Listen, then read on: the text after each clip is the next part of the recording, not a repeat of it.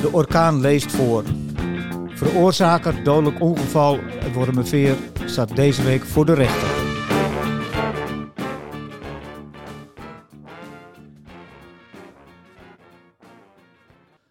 De man uit Herugewaard, die in oktober 2021 een dodelijk verkeersongeluk veroorzaakte op de N246 bij Wormerveer, staat aanstaande donderdag 16 februari voor de rechtbank in Haarlem. Hij wordt ervan beschuldigd op 13 oktober 2021 onder invloed een ongeluk te hebben veroorzaakt, waarbij een vrouw van 28 uit Wormer om het leven kwam. Eerder schreven we daarover. Toen de politie arriveerde op de plaats van het ongeval, trof ze een grote ravage aan.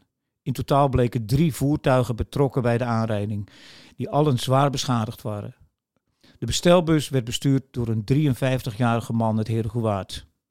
Een van de personenauto's werd bestuurd door een 30-jarige man uit Herengewaard. De andere auto werd bestuurd door het dodelijke slachtoffer. Tot zover de politie. Vermoedelijk botste de Herengewaarder achter op de auto van de slachtoffer. Haar auto kwam door de klap op de andere weghelft terecht en werd daar geraakt door de bestelbus die daar reed.